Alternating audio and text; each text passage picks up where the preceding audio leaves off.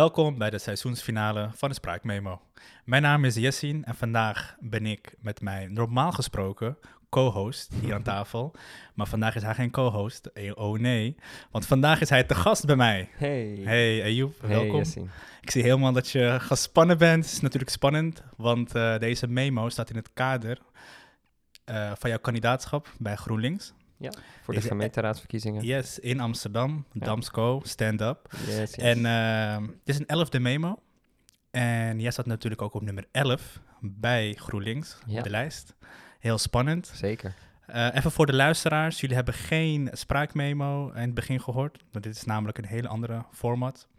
Ik heb namelijk onze voorafgaande gasten, dat zijn er tien, heb ik eh, gevraagd om een, eh, een vraag in te sturen middels een spraakbericht. Uiteraard. En jij weet er hele, je hebt geen idee hè? Nee, hoe, nee, ik hoe heb die niks vragen gehoord eh, van tevoren. ja. Dus voor mij is dit allemaal één grote blackbox als de luisteraars. Ja, Dus ik ga het eh, misschien een beetje ervaren zoals onze luisteraars dat normaal ervaren. Ja. Ik ben benieuwd. superleuk. Ik heb er echt zin in. Want het zijn echt, echt diverse vragen en eh, mensen gaan jou leren kennen. Eh, en natuurlijk ook de Ayoub de politicus leren kennen. Hoe jij over dingen denkt. En ja, super. ik heb er echt zin in. Maar laten we even reflecteren op, op de tien gasten, Ayoub. Want Ja. hoe, hoe vond je het? Ja, ik vond het super vet om te doen. Eh, we zijn hiermee begonnen als experimentje eigenlijk. Het begon tijdens corona met Ja. een ideetje. Oh, laten we onze gesprekken opnemen. Ja. hey, laten we dat samen doen met mensen om ons heen. Ja. hey, laten we daar gewoon een podcast van maken. Leuk. Ja. Eh, en het is echt tien keer beter geworden dan ik had verwacht.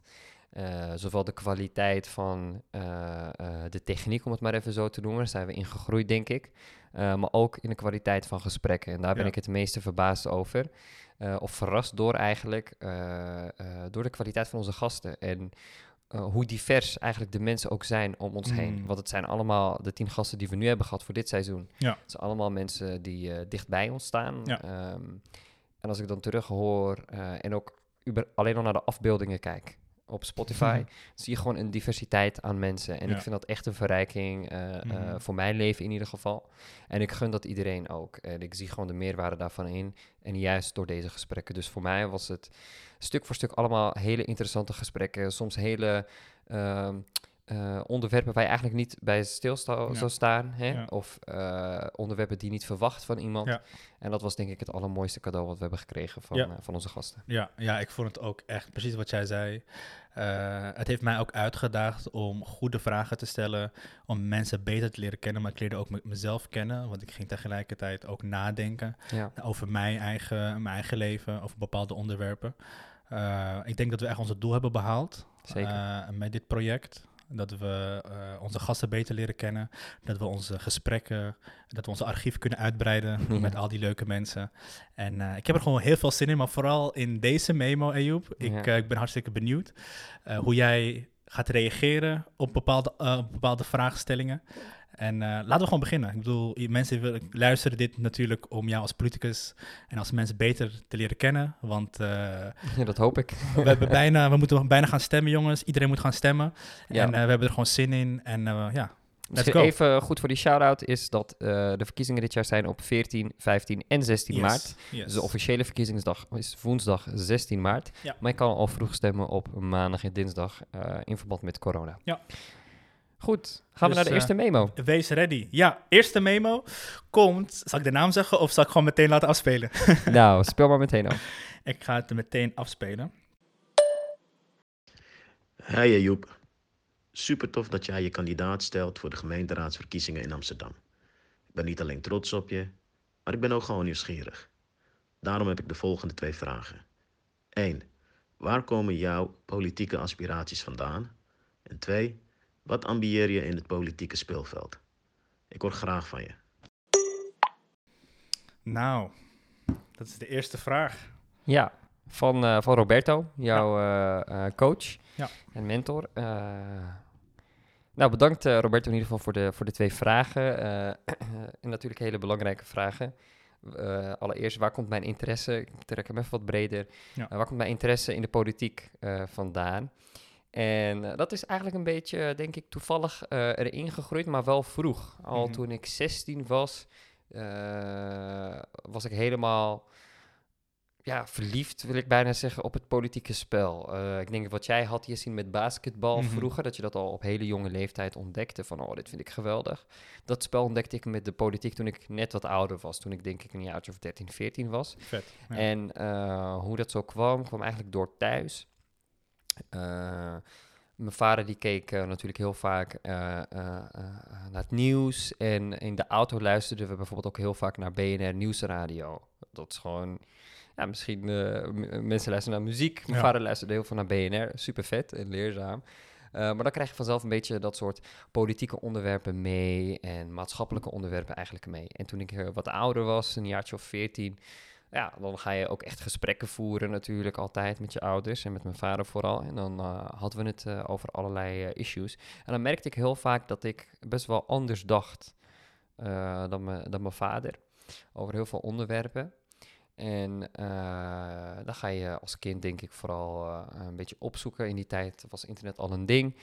Eh, want ik kom uit 96, dus eh, gelukkig hadden we dan Google. Dan ging je googlen en dan eh, kwam je erachter, oh ja, dit is wat ermee wordt bedoeld en dit is Ja. waar het over gaat. En zo kwam ik vanzelf achter die debatten die er gaande waren in de, in de Tweede Kamer. En, en nou, ik hou van praten. Ja. En ik hou van mensen die goed kunnen praten, vind ik Ja. altijd geweldig. En dan zag je gewoon dat mensen elkaar op een hele elegante manier eigenlijk elkaar aan het dissen waren. Ja, eigenlijk Wat wel. we eigenlijk ook Ja. deden op, Ja. op- ja, op, Op met middelbare vrienden, school. middelbare school, basisschool, op straat, noem maar op. Eh, maar dan net op een elegantere manier. En men vond dat geweldig. Ik dacht, nou, dat is wat ik ga doen. Want ik was zelf, ehm, eh, ben ik eh, niet zo heel sportief of zo. Ik hou van rondje rennen, prima. Eh conditiedingen wel goed, maar eh, daar blijft het een beetje bij. Ik ben niet echt een superatleet of zo. Mhm. Dus eh, daar lag mijn passie niet en daar lag mijn kracht ook niet. Nee. En ik denk dat je als mens altijd aangetrokken wordt tot waar je goed in bent. Ja. En in mijn geval is dat dus een beetje praten met mensen en luisteren en discussiëren. En, nou, en politiek is het toneelveld waar dat plaatsvindt. En dat neem je natuurlijk mee naar de politieke speelveld. Ja, En, eh, maar wat ambieer je als je zodra je daar bent? ja Wat wat, ik ambieer daarin, en dat vind ik eigenlijk eh, mooi, want dit is vooral het spel wat ik Ja. net heb beschreven, wat Ja. mooi is. Eh, maar natuurlijk, net als hoe jij dat hebt gehad misschien met basketbal en iedereen die bijvoorbeeld een sport beoefent of kunstenaar is of een beetje kan, artistiek is. Je wil dan, als je voor iets gaat, wil je ook het, naar het hoogste haalbare gaan. Althans, veel mensen hebben dat. Sommige mensen hebben dat ook niet, ook prima. Maar som- als je echt zeg maar, van gek bent op iets, dan wil je het beste daarin zijn. Mm. En voor mij is het hoogste haalbare in de politiek uiteraard in Nederland. eh, premier worden van Tell. Nederland. Eh, dus mocht dat ooit eh, wa- eh, waarheid worden, dan zal dat Yes. natuurlijk de grootste eer van mijn leven zijn. Maar naast eh, die ambitie heb ik vooral eigenlijk een veel grotere ambitie. En dat is net een beetje de cultuur in Nederland een klein beetje veranderen, een klein beetje verzachten. Want als je gaat kijken naar hoe politiek, hoe men daar nu over nadenkt, er is amper vertrouwen in politici. Men ziet ze of als zakkenvullers of als mensen die de hele tijd liegen en bedriegen. Terwijl eh, de meeste politici, denk ik, het juist ervoor hebben met het land. Alleen net op een verkeerde manier misschien. Of net niet verkeerd, maar op een, op een manier Ja. eh, naar het publiek toebrengen die het publiek zelf niet begrijpt misschien. En ik ja. hoop dat ik dat Die net, vertaalslag. die vertaalslag net Ja. iets beter kan maken Ja. natuurlijk. Door Ja. gewoon het eerlijke verhaal altijd te vertellen. Nou, vet. Ik hoop dat Roberto eh, met dit antwoord op jou gaat stemmen. Yes, Laten we naar de volgende vraag gaan. Die ga ik meteen af even afspelen. Hey Ejoep en Jessin, echt superleuk dat jullie dit doen. Ehm, ik heb een vraag aan Ejoep. En dat is namelijk, ik ben heel erg benieuwd wat zijn mening is over het dragen van eh, religieuze symbolen als politieagent zijn. Heel veel succes en ik ben benieuwd. Nou, dit is eigenlijk wat in mijn straatje hoort. eh, als iemand die bij de politie werkt. Zeker. Maar eh, daar zijn we hier niet voor. Ja, ik ben, jou- ik ben wel benieuwd hoe jij er ook over nadenkt, eh Ja. Yassine. Maar als eerst, eh floor is yours. Ja, een, een eh, goede vraag, eh, Sarah, dankjewel hiervoor. Ehm, al moet ik wel bekennen dat ik daar niet een hele uitgesproken mening over heb. Eh, ik kom zelf uit een gezin waar mijn moeder bijvoorbeeld een hoofddoek draagt en mijn zusje ook. Ehm, eh, dus ik ben met religieuze symboliek opgegroeid. En stel je voor als mijn zusje, die studeert nu geneeskunde, misschien de politieacademie wilde volgen en politieagenten wilde worden. Eh, dan zou ik het gek vinden als ze dan haar hoofddoek daarvoor af moet doen. Eh, want staat die hoofddoek haar in de weg om haar functie goed te vervullen? Ik denk van niet. eh, dus zou ik het haar gunnen dat ze haar hoofddoek kan dragen als politieagent als ze uiteindelijk op straat zou staan, als ze dat zou willen.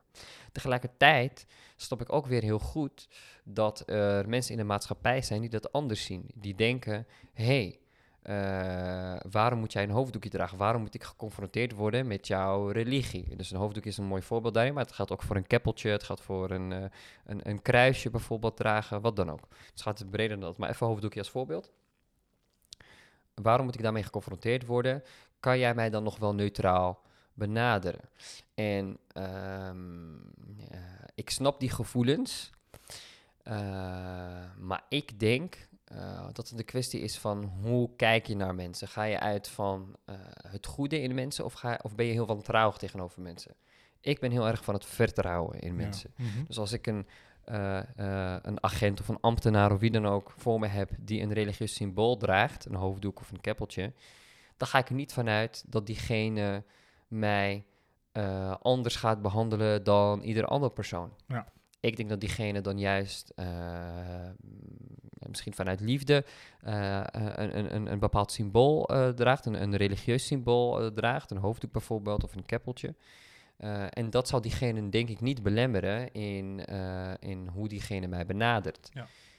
Dus als ik er zo hardop over nadenk, want ik denk er nu een beetje hardop over na, Sarah, denk ik dat het voor mij, dat ik er echt voorstander van ben dat mensen religieuze symbolen mogen dragen uh, op de werkvloer. Zolang het hen maar niet hindert in het uitvoeren van hun taak. Ik denk dat dat het meest belangrijk is. En dat we als mens, of je nou een religieus symbool draagt of niet. Stel je voor, ik als persoon, ik, draag, ik heb geen religieuze symbolen die ik draag. Ook al ben ik moslim. Um, ik hoor ook mensen juist te behandelen. En, uh, maar ik kan ook gewoon mensen uh, bevooroordeeld uh, benaderen en, en behandelen. En dat is iets wat we moeten, denk ik, uitroeien. En niet zozeer symbolische ho hoofddoekjes of keppeltjes of wat dan ook, zeg maar, wat we dragen. Ja. Ja, dus ik denk echt, ja, als ik er zo hardop over nadenk, kom ik tot de conclusie, men moet hun religieuze symbolen mogen uiten zoals ze dat willen. Ja, ja. Mooi. Mooi Ja. eh, Ja, het is dit is een beetje hoe het werkt, denk Ja. ik. Dit is een mooi voorbeeld. Ik denk dat politici dus dit, want we hadden het net over wat wil ik brengen naar de politiek. En ik denk dat dit eh, een van de dingen is die we moeten brengen als politici naar de maatschappij. Want we kijken altijd naar politici en denken dat ze altijd hapklare antwoorden hebben. En als het niet in mijn straatje past, word ik boos op ze. Terwijl zo werkt het niet. Politici zijn ook mensen die ook ideeën hebben. ja. En ideeën kunnen natuurlijk veranderen. En eh, dat denkproces, zoals net, mogen we denk ik vaker schetsen eh, als politici eh, naar de maatschappij. Nee, goede, goede antwoorden. En ik hoop dat, eh, dat Sarah met dit antwoord kan, mee kan leven. Maar uh, Jessin, ik ben eigenlijk wel benieuwd hoe jij kijkt Ja. naar dit issue aan van dus religieuze, ik weet niet hoe ik het moet noemen, attributen of zo? Ja, attribuut. Symbo- symbolen, religi- religieuze symbolen, symbolen, ja, ja, ja. op de werkvloer, zeg Ja, maar. nou, ook bij de politie. Weet je, Ejoep, ik ben geen politicus. Dus ik heb gewoon een hele... ik heb gewoon een hele... Jou is het eh, makkelijker dus platte antwoord te eh, geven. plat eh, eh, antwoord. Kijk, ehm, ik heb collega's lopen. Ik, ik loop zelf ook in uniform voor de neutraliteit. Maar als ik naar bepaalde collega's kijk, zie ik ook tattoo sleeves, heel zichtbaar, met bepaalde symbolen, leeuwen en weet ik veel wat. Daar, dan sta je ook ergens voor. Of het nou je zodiac sign is of je, eh, of je religie. Mhm. Eh, maar tegelijkertijd hebben alle collega's, inclusief ik, die niet operationeel werk, hebben we een eed of belofte afgelegd. Weet je, eh, en dat is jouw belofte, je eh, staat in het kader van inte- integriteit. Mhm. Dat je dus ten alle tijden eerlijk te werk gaat. Ja. Dus, en ik geloof er niet in als je een hoofddoek draagt dat je ineens partijdig bent. In tegenstelling, ik geloof er juist in dat je bruggen slaat. We willen een afspiegeling zijn van de maatschappij, van de Ja. samenleving. En dat kunnen we juist zijn. Ik zie dat echt meer dat de kracht is. Ja. Dus eh, dat is mijn antwoord. Ik ben ervoor. Ik denk dat het juist echt vet gaat zijn voor de jonge meisjes, voor de jonge jongens die keppeltjes dragen of meisjes die hoofddoek dragen. Eh, dat de politie ze omarmt hoe ze zijn, want het is namelijk ook een deel identiteit. Ja. En eh, ja, Ja, en eigenlijk als je het zo eh, plat slaat, eh, vind ik het wel mooi. Want eh, je ziet ook vaak bijvoorbeeld, je hebt collega's van de Roze in Blauw bijvoorbeeld. de- dus laatst het Roze Liefertje geweest vanuit GroenLinks. Prijs voor de organisatie of mensen die zich het best hebben ingezet voor de LHBTIQ-gemeenschap in. Amsterdam. En je ziet collega's van Roze en Blauw vaak ook een roze of een regenboogvlagje dragen. En dat is eigenlijk ook een, het is niet een religieus Nee. symbool, maar het is wel een symbool van je Zeker, identiteit, van wie zeker. je bent. En het En wordt dat- gevierd en het wordt omarmd. En ik vind dat, eh, dat, dat het allemaal bij elkaar hoort. We hebben genoeg netwerken. Je benoemde Roze in Blauw. We hebben het Marokkaans netwerk. We hebben het Turks netwerk. Ja. Eh, Su- heeft het, eh, in deze spraakmemo heeft ze het benoemd allemaal. Ja, de ja. kracht van al die netwerken. Dat het echt een expertisecentrum is binnen de politie. Nou, laten we ook vrij, laten we ook ruimte maken voor hoofddoek. En Ja. laten we ook ruimte maken voor een keppeltje of andere, eh, of zo'n stip Ja. voor de hindoeïsme. Ja, ja mooi. Mooi Heel dat je dit zo... Ik denk dat we dit echt meer als de maatschappij en als politie moeten doen. Luisteren naar de mensen die op de werk Laten we in gesprek blijven. Laten we in gesprek blijven met dat elkaar. is belangrijk. Heel maar goed, mooi. let's go. Dan heb ik nog een casus voor jou, Ayoub. Want dan eh, gooi ik hem meteen ertussen. Ja. En eh, dit is als volgt. Hey Ayoub, in relatie tot mijn spraakmemo wil ik je graag de volgende vraag stellen. Hoe ga jij ervoor zorgen om binnen de gemeenteraad het probleem van sociale isolatie en de daarmee gepaarde eenzame gevoelens onder jongeren aan te pakken? Ja, thanks uh, Imran. Inderdaad, jouw memo heel persoonlijk en heel mooi. Ging over Ja. eenzaamheid. Dank je wel. Eh, thanks daarvoor inderdaad. Eh, en dat is echt een thema ook van deze tijd. Dat we zien dat veel meer mensen zich daar bewust van zijn. Dat eenzaamheid echt een probleem is. Eh, niet alleen van ouderen, maar ook van jongeren. En eigenlijk ook van de generaties daartussenin. Eh, gelukkig zijn er al heel veel initiatieven vanuit de gemeente, maar ook vanuit landelijk beleid die zich hiermee bezighouden. Ook op jongeren toegespitst. Maar wat denk ik, wat ik denk ik eh, mee kan nemen in de raad is voorbeeldverhalen en eh, casussen zoals eh, van, van mensen die zich eenzaam voelen, van jongeren die zich eenzaam voelen en wat het effect daarvan is op Mhm. de rest van hun leven. En dat centraal te stellen in het beleid. Want je ziet vaak dat beleid, ook vanuit de gemeente, eh, heel abstract is voor mensen. Soms onbegrijpelijk is waarom kiest men voor het een of kiest men voor het ander. Ehm, terwijl wat centraal moet staan in beleid is mensenlevens en de impact van het beleid op mensen. En ik denk dus dat dat iets is wat ik graag mee zou willen nemen naar de gemeenteraad. Eh, en ik denk wat heel belangrijk is bij een onderwerp zoals eenzaamheid. En eh, daar heeft jouw memo ook echt aan bijgedragen, Emran, is dat we daar veel meer over gaan praten. Mentale gezondheid is eh, iets waar we gelukkig stapje voor stapje steeds opener over durven te zijn. En Mhm. we halen het stapje voor stapje uit de taboesfeer. En ik denk, hoe krachtig zou het zijn als een politicus of een bekende Nederlander of wie dan ook een open boekje geeft in hun eh, mentale gezondheid. En niet zozeer dat je dan alles op straat moet gooien, maar dat je ook kan toegeven van ja, inderdaad, Imran. Ik, Ejoep, in de gemeenteraad voel me af en toe ook heel eenzaam. En af en toe denk ik ook van hoe moet ik daarmee omgaan? En, en daar het open gesprek en eerlijk over durven te zijn. Ik denk dat dat het meest krachtige is wat je kan doen. Eh, naast natuurlijk eh, allerlei initiatieven en beleidsinitiatieven waar mensen veel wijzer in zijn die dat, die dat kunnen bedenken. Dus een mix van de eh, experts inschakelen, de slachtoffers aanhoren, ehm, eh, met ze in gesprek gaan, wat, Ja. eh, eh, maar ook gewoon zelf kwetsbaar openstellen. Ja, juist. Juist, vooral dat laatste. Vooral dat laatste. Ja, ja dus natuurlijk alles wat je noemde, maar ook echt als politicus. En, en nogmaals, dat slaat terug op die eerste vraag. Mhm. wat, wat is de ambitie? En ik denk echt dat we dit als politici veel te weinig hebben gedaan. Onze persoonlijke kant laten zien. Ja. Want eh, als politicus vervul je een maatschappelijke rol. Eh, voorbeeldfunctie in de maatschappij, eh, maar ook een... een, een je, bent de, je bent de representant van de bevolking. Ja. Van in mijn geval de gemeente van Am- de inwoners van de gemeente van Amsterdam. En de inwoners van de gemeente van Amsterdam hebben gevoelens. Zijn mensen, Ja. struggelen ook met dingen. En Ja. dat mogen we als politici ook laten zien. Het is niet alleen maar mooi weer. Ja. En ik denk dat een goed voorbeeld hiervan bijvoorbeeld ehm, is wat er in de afgelopen periode is gebeurd. Bijvoorbeeld met Sigrid Kaag. Hè, dat ze Mhm. dan eh, met die eh, man die met een brandende fakkel voor haar huis stond. ehm, als je ziet wat voor reacties dat dan oproept bij mensen. Hè? Dus eh, mensen die dan echt met haar sympathiseren. En dat zij daar ook open over durft te vertellen van dit is precies wat ik bedoel met angstmomenten beleven en bedreigingen en Ja. hoe gevaarlijk dat kan zijn. Dit is daar een voorbeeld van. Ja. En ik denk dat we dat voorbeeld breder moeten trekken, ook naar onderwerpen zoals eenzaamheid of allerlei andere issues. Zou je dan in de gemeenteraad je open kunnen stellen Eh, ja, bij je collega's? Ja, als ik dat, eh, ja zeker. Dat moet juist. Ik denk dat dat juist eh, een kracht is die we nu missen. In, niet dat we die missen, er zijn mensen die dat doen. Ook vanuit mijn eigen partij GroenLinks, maar ook van andere partijen heb je genoeg mensen die wel een beetje op elkaar durven te spelen. Maar het is toch vaak hash-hash. Hmm. En emoties moet je niet te veel tonen. En wat heb je te zeggen tegen die mensen die dat zwak vinden? Emoties, als je emoties blootstelt. Ik denk dat emoties tonen juist de grootste kracht is. Want als Mhm. er een taboe op heerst, hoe krachtig moet je zijn om een taboe te doorbreken? Ehm, En ik denk dus dat het juist getuigt van heel veel kracht. Oké, mooi. Over aanpakken gesproken. We hebben hier een vraag. En die luidt als volgt. Hi Ejob, ik ben benieuwd naar het volgende. Mocht je met GroenLinks de gemeenteraad binnenkomen, wat is dan het eerste probleem dat je graag zou willen aanpakken en waarom? Ja, dankjewel. Mijn eh bloedeigen zusje natuurlijk. Bedankt voor de, voor de leuke vraag. Ehm, dat weet ik eigenlijk niet. Dat is het eerlijke antwoord op dit moment. Want het is überhaupt de vraag of ik in de gemeenteraad kom. Ik sta op eh, plekje nummer 11. In de pijl, wij hebben op dit moment als GroenLinks zijn, dan zijn we de grootste in Amsterdam, hebben we 10 zetels.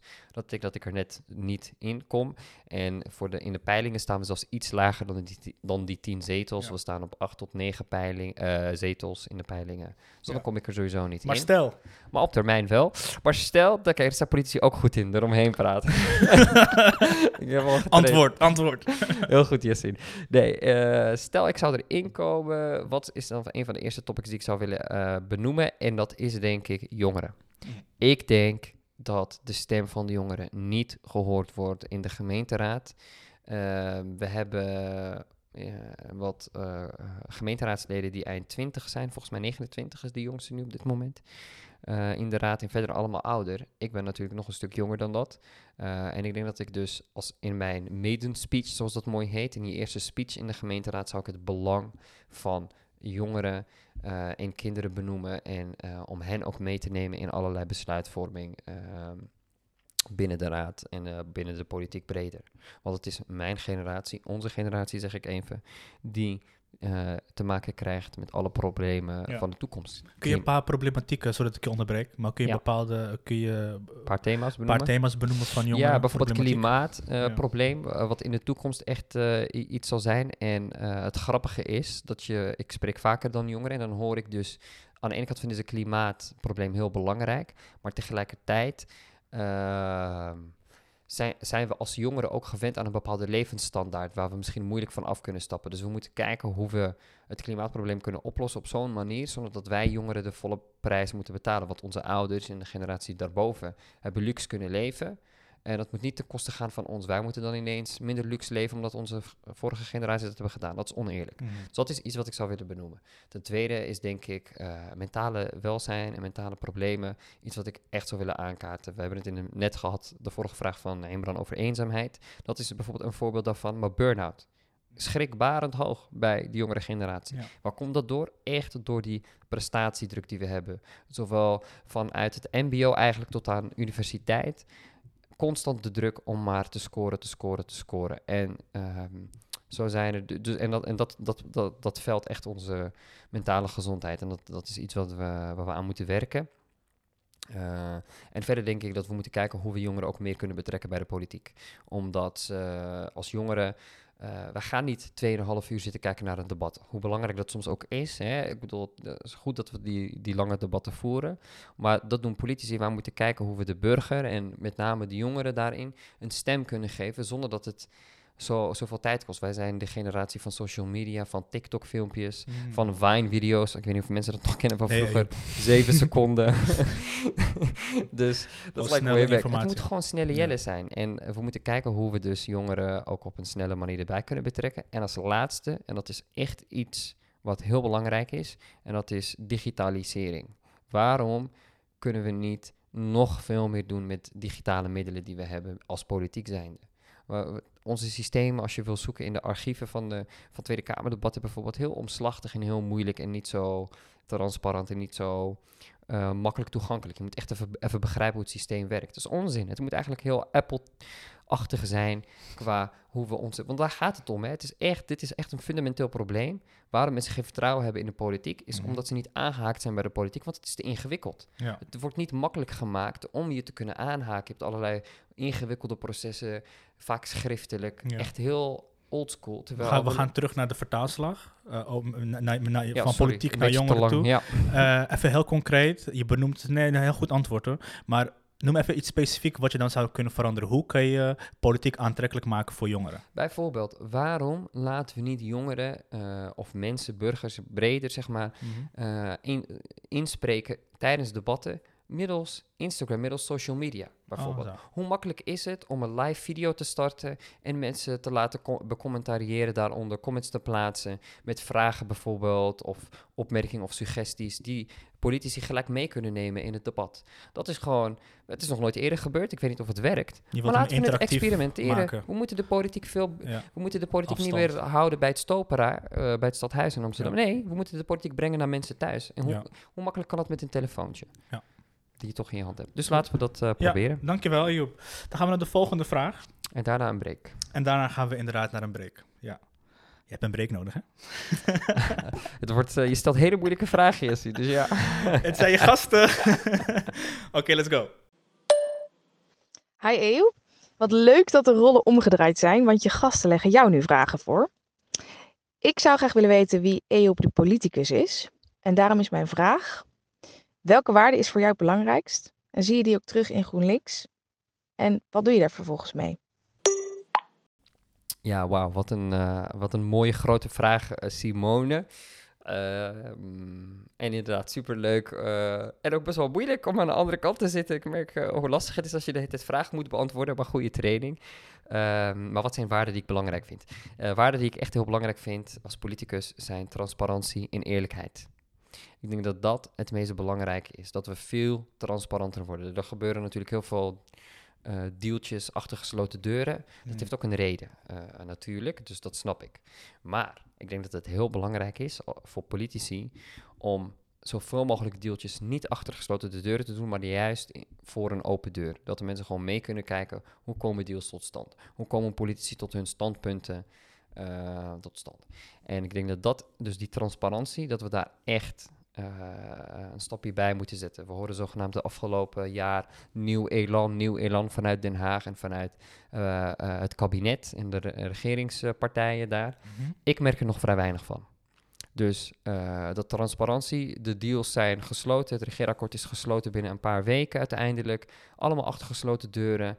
Eh, eigenlijk een beetje zoals het altijd is gegaan. Dus ik zie geen nieuw elan daar. En ik zeg niet dat je dat volledig voor open deuren moet doen. Maar kom op zeg, we kunnen toch als burgers wel even meegenomen worden in hoe bepaalde standpunten op tafel worden gelegd. En hoe die besluiten worden genomen. En niet via lekken de hele tijd. Dus dat Mhm. is iets wat ik anders wil zien. En als ik dat mag relaten naar GroenLinks, mijn partij, waar ik voor eh, op plek, dus, eh, plek 11 sta. Ik denk dat we als GroenLinks ehm, eh, zeker zo open en transparant mogelijk proberen te zijn.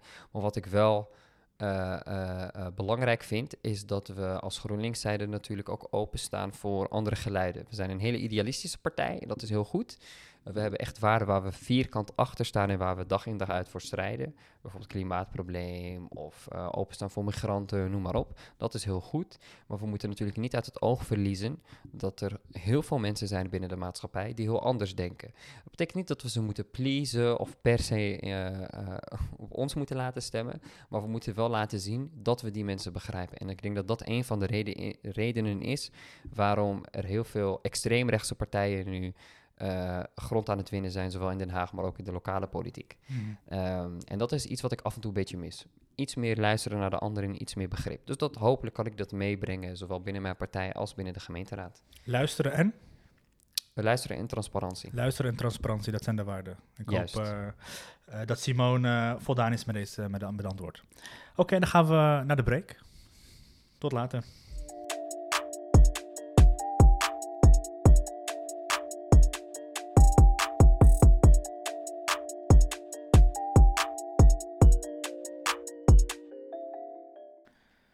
En we zijn weer terug. Uh, Ayoub, ik uh, zie dat je echt in je politieke element zit.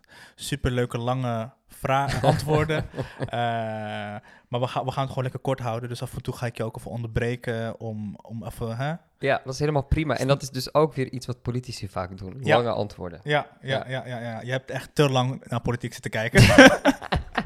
maar dat is niet erg. Ik zal je wat vertellen. toen, ik, uh, toen ik 16 was, hè, dus uh, uh, toen ik begon, echt geïnteresseerd begon te raken in de politiek en dat leuk begon te vinden, ging ik dus politieke debatjes bekijken. Gewoon van die saaie... Ja, man. Van Hoe die lang duurde zo'n politiek debat? Dat duurt gewoon de hele middag, soms drie, vier uur lang. Nou, dan had ik het gewoon... Was ik dat aan het kijken op de achtergrond, terwijl ik misschien huiswerk aan het maken Serieus? was. Wiskunde even maken, dan een debat op de achtergrond.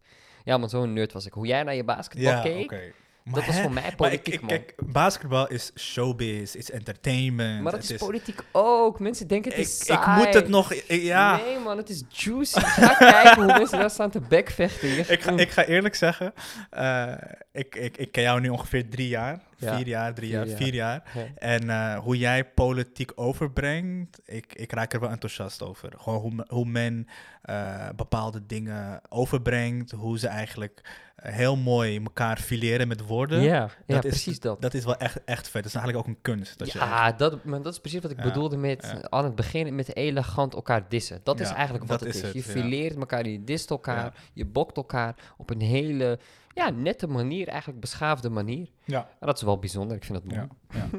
Nee, goed. Nee, leuk. Leuk dat het eh, je zo enthousiast maakt, weet je. En ik vind, vind het ook belangrijk dat mensen eh, politiek leuk gaan vinden, want dan ga je het ook echt volgen en dan, ga je, dan, is, het- dan is het elke iets wat, wat, wat, ja, wat iets met je doet. Als het iets met je doet, als het, als een bepaalde passie naar boven komt, die mensen hebben we nodig. Vooral als je jong bent, Juist. vooral als, als je op mij lijkt, dan kan je me echt representen. En wat nog belangrijker is, is dat mensen dan beseffen van, oh ja, het is leuk, Ja. maar het is ook belangrijk. Ja, heel belangrijk. En juist als je iets leuk vindt, ga je er tijd aan spenderen wat je zegt. ja. En eh, dan ga je ook impact kunnen maken. Gewoon Ja. ook als gewone burger. Ja. En ik denk dat, dat, heel, dat we dat af en toe vergeten over politiek. ja, en politiek is een spel, ja. Dat is, het, Het is gewoon een nasty spel, het Het is is een vies. nasty spel. Eh, net als ieder ander spel in het leven. Maar hey, let's maar je wil go. winnen. Ik wil winnen, man. Ja. ja, man, ik ben competitief, hè. Dus Ik ook, ja, dat weet ja. je. Oké, we gaan eh, genoeg gepraat. We gaan naar de, de volgende vraag. En Yes, eh, die luidt eh, als volgt. Ook benieuwd van wie. Dag Ejoep. Mijn vraag aan jou is waarvoor je je zal gaan inzetten als je in de gemeenteraad komt. Welke thema's ehm, zijn belangrijk voor jou en eh, in jouw opvatting belangrijk voor de stad? Ja, thanks eh, Rosalinda. Eh, lijkt een beetje op de vraag die we natuurlijk eerder hebben gehad. Wat zijn de eerste dingen die ik zou willen aanpakken in de raad? Eh, maar inderdaad, jongeren en jongerenproblematiek is iets wat ik heel belangrijk vind. Digitalisering. Ehm, en ehm, wat ik ook zie is dat we in Amsterdam allerlei besluiten nemen zonder het goed uit te leggen. Waar mijn partij natuurlijk ook deels verantwoordelijk voor is. Neem bijvoorbeeld Autolieuw. Dat is dus dat we in het centrum zo weinig mogelijk auto's willen hebben. Daardoor zijn parkeertarieven misschien hoger, hebben we minder parkeerplaatsen in de stad. En eigenlijk is het, het gekke is, of het grappige is, dat heel veel mensen denken dat dat te maken heeft met klimaat. En natuurlijk, het heeft positief effect op klimaat, maar dat is niet de reden. De reden is eh, dat we daardoor een leefbaardere stad kunnen creëren. Omdat auto's gewoon te veel ruimte in beslag nemen, te vervuilend zijn, dus te slecht voor de gezondheid. En ehm, eh, dat beter uitleggen waarom we bepaalde besluiten nemen in de stad. Ik denk dat dat ook een taak is van gemeenteraadsleden. Natuurlijk is dat primair van de college. eh, dus de burgemeesters en de wethouder. De burgemeester en de wethouders. Maar ook gemeenteraadsleden moeten beter over het voetlicht brengen en uitleggen waarom we dingen doen zoals we Ja, dus jongeren. Jongeren en beter uitleggen. En transparanter zijn natuurlijk. Hè? Dus, eh, nee, nee, ik heb het over de thema's. Dus jongeren, klimaat Eh, en digitalisering. Daarvoor je gaan dat zijn in de echt de drie thema's die ik super belangrijk Ja. vind. Ja, ja zeker. Nee, goed. Dan gaan we naar het volgende. Want eh, over autovrije binnenstad gesproken en uitlaatgasvrije binnenstad Ja. gesproken hebben we daar ook een vraag eh, over. ik En ben dat eh, gaat als volgt. Hey Ayoub, allemaal leuk en aardig, die politieke ambities. Maar in hoeverre moet een politicus eigenlijk zelf een lichtend voorbeeld zijn? GroenLinks hoopt in 2030 de Amsterdamse binnenstad uitlaatgasvrij te krijgen. Zelf ben je sinds kort een trotse autobezitter. Hoe ruim jij die dingen eigenlijk met elkaar? Ja, thanks Thomas. Eh, en eh, eh, altijd zo kritisch zoals je altijd bent. Heel mooi. Eh, maar inderdaad, vind ik dat. eh, laat me eerst beginnen met je eerste vraag. En dat is: vind ik dat politici het lichtend voorbeeld moeten zijn? Eh, ja, dat vind ik. Ik denk dat je als politicus dingen preacht naar mensen, zeggen we dan heel mooi. Dus dan moet je natuurlijk zelf ook het goede voorbeeld geven. Walk the talk. Walk the talk, inderdaad. Heel mooi. Eh, en als ik dat dan even reduceer tot dit voorbeeld van autobezit Ja. bijvoorbeeld. Inderdaad, als GroenLinks willen we in 2030 een uitlasgasvrije centrum hebben. Eh, dat betekent dat we zo weinig mogelijk, of het liefst geen auto's hebben die eh, CO2 uitstoten. Dat zijn dus benzine, dieselauto's. En ik heb zelf een benzineauto. Eh, en ik ben zelf autogek. Dus Ja. dat is dan iets wat een beetje eh, natuurlijk voor mij intern voelt als... Oh shit, mijn, ik, ik sta achter het Aan standpunt. het zondigen. Een beetje wel, ja. Een beetje als, als zondige eigenlijk met een Ja. religie. Zo voelt het een beetje Ja. van... Oké, ik vind inderdaad dat we zo weinig mogelijk eh, auto's moeten hebben die uitstoten. Mhm. Maar ik vind zelf autorijden ook heel leuk. En het is ook nodig, zeg maar. Ja. Voor mijn mobiliteit is dat heel belangrijk. Ehm, voor mijn werk onder andere en zo. En eh, eh, dus hoe rijm je die twee? En dan is het denk ik belangrijk dat ik dan gewoon het eerlijke verhaal schets. En dat is iets waar ik tegenaan loop, maar denk ik ook alle andere Amsterdammers. Elektrische auto's zijn al eenmaal heel duur. Die zijn op dit moment nog onbereikbaar voor een hele grote groep mensen. Ik heb zelf mijn auto natuurlijk tweedehands gekocht. Want ik, ik verdien gelukkig genoeg salaris dat ik gewoon kan overleven. Maar ook weer niet zoveel dat ik een nieuwe auto kan kopen. Dus dan moet ik een tweedehands auto kopen. En dat hebben de meeste Amsterdammers, denk ik. Nou, op dit moment zijn er vrij weinig elektrische auto's die aangeboden worden op de tweedehandsmarkt. Of ze zijn zo slecht dat je gewoon per, per laat eh, cyclus, als je het hebt opgeladen, dus per tank eigenlijk, maar 100 kilometer kan rijden. Ja, dat, Mhm. dat, dat, dat, eh, dat werkt niet Mhm. voor mij en voor de meeste mensen. Dus ehm, is er ook een reden natuurlijk waarom we zeggen als GroenLinks dat willen we in 2030. Omdat we hopelijk in de komende eh, periode, in de komende jaren zullen zien dat er steeds meer auto's beschikbaar komen op die tweedehandsmarkt. Dat elektrische, nieuwe elektrische auto's ook goedkoper worden. Dat zien we al in de afgelopen vijf jaar gebeuren gelukkig. En dan hopelijk kunnen steeds meer Amsterdammers dat kopen. En uiteindelijk zul je zien, en dat is ook een beetje het eerlijke verhaal van, van eh, politiek. Dit is onze ideale scenario 2030, geen diesel benzineauto's in het centrum. In de praktijk komen we waarschijnlijk uit, oké, eh, we, we, we gaan dan misschien iets eh, eh, hogere belastingen heffen, bijvoorbeeld op benzine- en dieselauto's, waardoor we mensen kunnen ontmoedigen, maar ze kunnen dan nog steeds wel in het centrum rijden. Dus waarschijnlijk kom je dan uit op een wat pragmatischere oplossing, waardoor Mhm. mensen nog steeds toegang hebben tot het centrum, maar eh, wel natuurlijk tegen, tegen een bepaald eh, eh, tarief. Eh, en dat is ook wat we vinden eh, als partij natuurlijk. En hoe draag jij bij eh, aan de klimaatideaal die, die GroenLinks heeft? Over eh, dat ze een beetje anti-benzine zijn natuurlijk.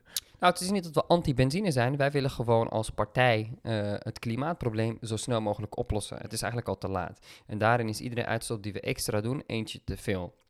Alleen moeten we beseffen dat de eh, grootste vervuiling niet wordt gedaan eh, eh, door consumenten. Dus als jij al jouw uitstoot zou reduceren, maakt dat, en als we dat als mensheid totaal doen, maakt dat geen grijnsje van impact zeg maar, op, de, op de totale uitstoot, mondiale uitstoot in de wereld. Dat heeft vooral te maken met de grote bedrijven en eh, productieprocessen die we hebben op dit moment, die gewoon heel erg CO2-intensief zijn. En dat moeten we gaan veranderen. Eh, en ik denk dat we daar ook de eerste stappen moeten zetten, voordat we aan de gewone burger, aan de gewone Jan in alle man kunnen zeggen, hé hey kerel, eh, die benzineauto van jou, ja, dat kan echt niet meer. Eh, we gaan jou super, super hard taxen daarop, dus super veel belasting heffen op jou, omdat je op een, in met een vervuilende auto rijdt. Voordat we daar zijn, moeten eerst allerlei andere partijen die het wel kunnen dragen, eh, wel hun CO2-uitstoot eerst verminderen. En ik denk dat we, eh, je ziet ook in de politiek, met die groene politiek, groene industriepolitiek, dat we daar langzamerhand naartoe aan het bewegen zijn. Denk jij twee keer na voor als je de auto pakt? Ja, zeker. Ja, Ja. ik bijvoorbeeld als ik naar, eh, stel ik ga naar Rotterdam, Mhm. naar het centrum van Rotterdam, dan ga ik eh, eh, met de trein. Omdat ten eerste, ik kan die afstand makkelijk overbruggen met de trein. Er is gewoon die Intercity direct binnen 20 minuten. Dan ben je dus A, sneller dan met de auto. B, ik hoef dan nog- 40. Nee, 20, 25 minuten met de trein vanaf Amsterdam naar Ding. Het gaat echt heel snel. Mhm. Ja, vanaf Schiphol naar, eh, naar Rotterdam Centraal is maar 22 minuten zelfs. Oh. Dus het gaat echt heel snel. Dus je bent veel sneller dan met de auto en je hoeft Mhm. geen parkeerkosten te betalen. Oké. Dus natuurlijk neem ik dan de, eh, de, de trein en niet de auto.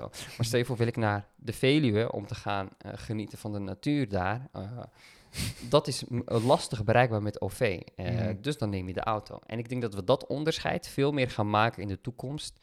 Hey, wanneer gebruik je de auto en wanneer kun je met het OV gaan? Oké, dus echt een bewuste keuze. Maar. Zeker. Ja. Oké. Maar goede vraag, Ja. Thomas. Thanks, man. Leuke vraag. Jeetje, pittig. En dan gaan we naar de volgende vraag direct. En die luidt als volgt. Hey Ejoep, Saad hier. Hoe bereid jij je voor op je kandidaatstelling? Ja, thanks. Eh, korte vraag. Ga ik ook een kort antwoord op geven. Eh, vooral door heel veel te praten en te luisteren naar mensen, eigenlijk. Dus eh, veel in gesprek gaan met eh, natuurlijk eh, mensen binnen mijn partij, binnen GroenLinks. Veel in gesprek gaan met mensen om mij heen en iedereen die ik ken. En daar altijd over politiek eh, te praten en politieke onderwerpen. Eh, en op die manier steeds meer kennis vergaren eigenlijk en perspectieven vergaren die ik hopelijk in de toekomst mee kan nemen in Ja. mijn politieke carrière. Ja, triggert het jou de, laatste tijd als nu mensen weten dat je op de lijst staat? Ja, je merkt dat mensen nu... na- eh, vroeger ging ik altijd naar mensen toe en dan ging ik met hen praten Ja. over dingen. Nu Ja. komen mensen naar mij toe en vragen aan mij... wat vind jij van dit? Wat vind Oh, ja. jij van B? Ja. Nu willen ze altijd een, een, een uitspraak of een mening horen, heb Ja. ik, heb ik, eh, merk ik dan. Ja, Omdat je juist op de lijst staat. En ja alsof, ik, alsof ik nu ineens de waarheid in pacht heb of alles weet. Natuurlijk is dat niet zo. Nee. Maar het is wel leuk om dat gesprek aan te gaan. Want dan kom je erachter van... oh, ik denk misschien een beetje zo, jij een beetje zo. Oh ja, misschien is de waarheid echt in het midden. Ja. Want hoeveel voorkeurstem heb jij nodig om echt in de raad te komen op nummer Wil je 11? in de raad komen, dan moet je ongeveer eh, volgens mij 2300. 2300. Ja, Oké. ronde, het verschilt natuurlijk van stemmen, me- hoeveel mensen stemmen, maar Ja. uiteindelijk rond de 2300. Dan ben je redelijk safe. Dan ben je, kom je Dan kom je gegarandeerd zo wat gegarandeerd in de raad. in de raad. Ja, ja, ja. Oké. Maar dan moet, moet GroenLinks dan eh 11 spots hebben of maakt het niet uit? Eh, nee, dat maakt niet uit. Dus dat hangt er dan vanaf hoeveel mij de andere kandidaten van GroenLinks hebben gehaald. Maar stel je voor, je hebt eh, twee kandidaten die misschien eh, meer dan die 2300 hebben gehaald. En ik haal ook die 2300. Dan komen deze drie kandidaten eerst in de raad. Ook al heeft GroenLinks bijvoorbeeld maar drie zetels gewonnen. Oké. Nou, zo uit EU praat heel veel met mensen over politiek. En dat is een beetje zijn voorbereiding op zijn kandidaatstelling. Ja. Als ik het zo hoor. En veel lezen natuurlijk ook. Ja, veel lezen. Want je leest veel boeken erover. Je moet natuurlijk al de, Ja, veel artikelen vooral Materie, inderdaad online, veel ja, materie. op de eh, hoogte zijn van dingen. Ja, het verkiezingsprogramma is al een boekwerk op zich, 50 Ja. pagina's. Dus ja, ja. Hou je dan ook de Tweede Kamer in de gaten? Ja, Altijd? zeker. Ja, Ja? het, eh, altijd. eh, NOS is altijd een beetje op de achtergrond aanwezig. Alright. Nog steeds kijk ik naar die Nog steeds debatten. 2,5 uur. Ja. eh, Jeez. Oké. Nou, dan gaan we naar de volgende vraag, jongens. En die luidt als volgt. Stel, ik stem niet op GroenLinks. Of misschien juist wel. En ik ben met een open mind op zoek naar een kandidaat die mij aanspreekt en die ik mijn stem gun. Wat is de unieke touch die jij meebrengt, waardoor jij het verschil maakt tussen alle andere kandidaten en ik mijn stem aan jou zou gunnen? Unieke touch die jou onderscheidt, Ayoub. Eh, ja, dat is denk ik. ehm, dat vind ik een moeilijke vraag. Eh, thanks Henry in ieder geval voor die vraag. Maar wel een moeilijke vraag. Maar ik denk, het is altijd moeilijk om over jezelf te praten over wat jou uniek maakt. Maar ik denk, eh, wat mij in ieder geval anders maakt, is dat ik eh, eh, me in verschillende be- werelden begeef. Door gewoon wie ik ben als mens. Mhm. door mijn werk. en door de partij waar ik lid van ben. Noem die werelden op. Nou, ik ben natuurlijk zoon van Marokkaanse ouders die hier Mhm. geboren zijn, die hier naartoe zijn gekomen. En Ja. ik ben hier geboren in Amsterdam. Eh, werk natuurlijk bij, eh, bij, bij een, grote bank, bij de Rabobank. Eh, dat wordt binnen mijn partij door sommige leden niet altijd gewaardeerd natuurlijk. Maar het is wel een belangrijk perspectief om mee te nemen. En ik ben zelf natuurlijk ook, ook queer, dus die combi van, van werelden zorgt ervoor dat je eh, verschillende, dat ik echt verschillende perspectieven beter begrijp. En daarom vind ik het soms ook moeilijk om echt zwart-wit antwoord te geven van ja, dit is echt stellig mijn antwoord of nee, ben ik, val ik altijd op tegen. Want ja, de waarheid is altijd ergens een beetje in het midden en dat, her- dat herken ik vaak ook. En ik denk dat dat een unieke touch is die ik meeneem eh, binnen de politiek. En eh, ik hoop dat ik ook gewoon sympathiek genoeg eh, gevonden word natuurlijk. eh, Ja. Waardoor je denkt van, hé, die kerel, die gun ik mijn stem wel. Eh, en dan moet ik het natuurlijk gewoon waarmaken. En ik denk wat ook iets is wat ik eh, meeneem, is natuurlijk eh, keihard werken. Ja. Ik denk dat veel mensen dat onderschatten hoe, hoe hard werken het is. Maakt niet uit wat voor politieke laag je actief bent. Ja, dus eigenlijk alle identiteiten die, die bij, me- bij elkaar komen, dus die intersectionaliteit. En je wil sympathiek zijn. Dus je wil echt een mens zijn ook. Dus niet alleen maar de politicus. Je wil, en je op de mens echt altijd naar voren brengen. Ja. En dat vind je heel belangrijk. Ja, ik denk dat het vooral is. Dat ik Ja. echt wel mijn gevoelens en emoties durf te tonen. Ik denk dat dat wel eh, iets is wat, eh, wat uniek is. En dat ik ook gewoon soms het antwoord niet heb. Dus ook al heb ik nu antwoorden gegeven op al deze vragen, dat is hoe ik er nu over Ja. denk. En, en het hoeft echt niet te betekenen dat ik eh, het bij het rechte eindje heb. Dit is gewoon hoe ik er naar kijk als persoon. En ik ben me dol goed bewust, of ik ben me heel goed van bewust dat ik ook maar een mens ben. En Wat doe je als je geen antwoord hebt op een vraag in de gemeenteraad? Stel, wat ga je doen? Stel je voor iemand om mij een vraag stellen waar ik geen antwoord op heb. Ja, dat weet ik niet. Daar heb ik op dit moment geen antwoord op. Dus eh, Ja, en wat zou je doen wat, na afloop?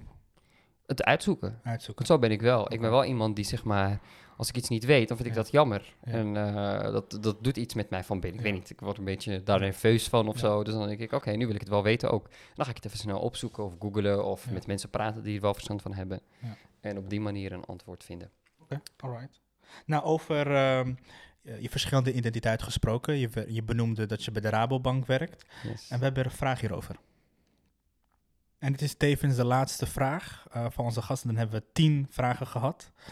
Eh, dus ik ben heel benieuwd hoe je, ja, hoe je deze gaat eh, beantwoorden. Hey Ejoep, hey Yazil. Leuk dat jullie een speciale aflevering maken voor de gemeenteraadsverkiezing. Mijn vraag voor Ejoep is: eh, welke elementen vanuit het bedrijfsleven en eh, misschien vooral vanuit het thema waar je je veel mee bezighoudt, leiderschap, neem jij mee eh, tijdens de verkiezingen, maar ook daarna in de gemeenteraad? Tijdens en daarna. Ja, thanks Bilal voor deze leuke vraag. Ehm, eh, inderdaad, ik werk met leiderschap binnen de Rabobank. eh, of ik hou me bezig met leiderschap binnen de Rabobank. En ehm, eh, wat mij daarin opvalt is, ehm, wat denk ik eh, eh, iets is wat me raakt, is dat we binnen leiderschap heel erg merken dat het vooral gaat om vertrouwen en psychologische veiligheid. Dat is bijvoorbeeld ook het centrale thema van dit jaar in ons ontwikkelingsprogramma voor de leiders. En wat ik zie en wat ik merk en wat ik hoor, is dat mensen eh, in de raad of in de politiek in het algemeen weinig vertrouwen hebben in politici. Eh, dat er een eh, gevoel van onveiligheid is, omdat mensen worden bedreigd, politici worden bedreigd. De burgers of bewoners voelen zich onveilig door allerlei besluiten die worden genomen vanuit de politiek. En ik denk dat ehm, wat ik zou willen meenemen vanuit mijn werk is dat besef dat alles wat we doen binnen de politiek te maken heeft met vertrouwen en veiligheid. Vertrouwen en veiligheid die we krijgen vanuit de burgers naar de politici, maar ook vanuit de politici naar de burgers middels allerlei beleid en besluiten die worden genomen. En het tweede wat ik zou willen meenemen, en dit is iets wat ik vooral, Mhm. dat je merkt tijdens de campagne is dat bijvoorbeeld iets. En dat vind ik heel mooi. Eh, bijvoorbeeld wat onze, eh, wat, wat dan eh, de leider van GroenLinks Amsterdam, noem ik hem even, onze wethouder op dit moment, de lijsttrekker Rutger Groot-Wassing heel mooi doet. Is bijvoorbeeld als hij een debat heeft gehad of wat dan ook, dan roept hij op voor, naar de burgers in Amsterdam om te gaan stemmen überhaupt. En niet zozeer op GroenLinks, dat boeit dan niet. Het gaat erom dat je stemt. Omdat het uiteindelijk erom gaat dat je als burger vertrouwen krijgt in politici in het algemeen. En uiteindelijk ook in een politieke partij, hopelijk GroenLinks.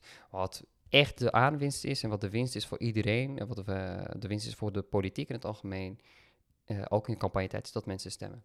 En dan na de campagnetijd eh, is eh, eh, een beetje, eh, dat wordt vaak ook al benoemd, hè, be- bedrijfsefficiëntie toepassen in de politiek. En soms is dat heel goed, soms is dat ook heel gevaarlijk, want je ziet dat in heel veel besluiten die zijn genomen in het verleden, dat dat verkeerd heeft uitgepakt. Eh, denk bijvoorbeeld aan zorgkosten die gigantisch stijgen, ondanks, terwijl we gewoon lange wachtenlijsten hebben of mensen die niet de zorg krijgen die ze nodig hebben.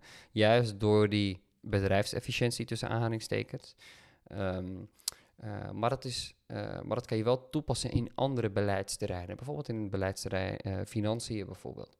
Dat je daar kunt kijken hoe kunnen we wat meer een, een, een, een van kijken naar budgetten, een bedrijfsmanier van kijken naar financiën toepassen op de gemeentelijke financiën. Want het gaat om een budget van 6 miljard euro per jaar. Ik denk dat veel mensen dit niet weten, maar Amsterdam geeft 6 miljard euro per jaar uit. We hebben uh, tekorten op dit moment. We moeten kijken of we dat kunnen oplossen. En ik denk dat daar een bedrijfsperspectief heel waardevol kan zijn. Hoe kan je dat uh, op een goede manier doen? Zonder dat het ten koste gaat natuurlijk van uh, de burgers. Ja, een hele mooie antwoord, maar ik ben toch benieuwd. uh, ik ben even aan het kijken. Ja, het is een heel uitgebreid antwoord uh, natuurlijk. Uh, ja. Maar wat voor leiderschap brengt Ejob naar de gemeenteraad? Ja, oké. Okay, dat als ik het persoonlijk trek naar mezelf, is wat ik al eerder heb benoemd, die transparantie in die eerlijkheid. Gewoon durven te benoemen wanneer ik iets niet weet. mijn emoties durven te tonen.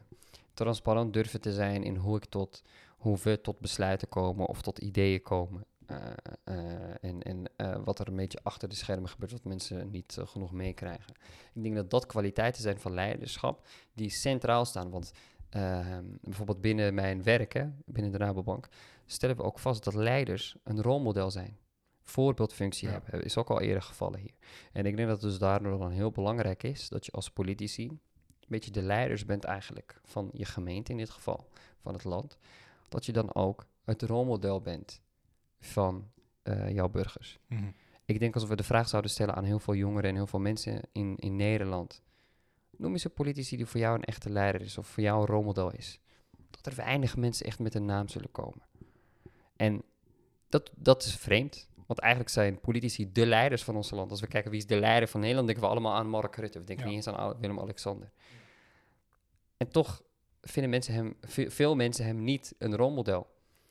En dat is pijnlijk om te beseffen. En dat geldt ook voor de lokale politiek. En misschien zelfs wel nog meer. De lokale politiek, hoe dichtbij het ook staat bij mensen, is het meest ver weg van mensen. Als je kijkt naar de opkomstcijfers, 50%, 55%. In landelijke verkiezingen, Tweede Kamer, 80. Nou, gigantisch verschil. Terwijl de gemeentepolitiek juist directe impact heeft op mensen levens dagelijks. Ja. En ik denk dat we dus echt veel meer rolmodellen moeten hebben in de politiek. Die het eerlijke verhaal en het transparante verhaal durven te vertellen. En hopelijk mag ik die rol vervullen in de toekomst. Mooi, ja mooi. We hebben, we hebben tien vragen gehad. In 52 uh, minuten. In 52 minuten, maar we hebben natuurlijk nog een laatste vraag, want 10 plus 1 is 11. Hey. En uh, we eindigen deze memo met een persoonlijke boodschap. En uh, wat, wat geef je de luisteraars mee? Ja, de memo die ik de luisteraars mee wil geven, is, bestaat eigenlijk uit uh, twee dingen. Eerst wil ik benoemen, wat ik mee wil geven is dat de politiek een spel is, zoals ik net heb benoemd, maar wel een spel met echte gevolgen voor mensenlevens. En dat het de plicht is van iedere burger eigenlijk om zich te bemoeien met dat spel. Je hoeft niet actief deel te nemen aan dat spel, laat dat maar over aan politici zoals ik.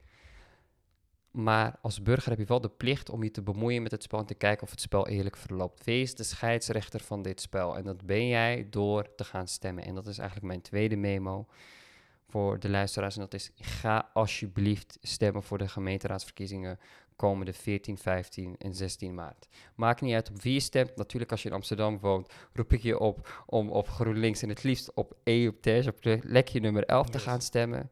Maar het maakt mij oprecht geen reet uit of je op iemand anders stemt, zolang je maar gaat stemmen. Ja. Laat, wees de scheidsrechter van dit levensbelangrijke spel wat invloed heeft op jouw persoonlijke leven door te stemmen op 16 maart. Dankjewel. En de volgende keer ben jij gewoon weer mijn co-host. deal. Deal? Deal. Hele Alright, dankjewel deal. Ejoep. Heel transparante deal dit. Oké, okay, ciao.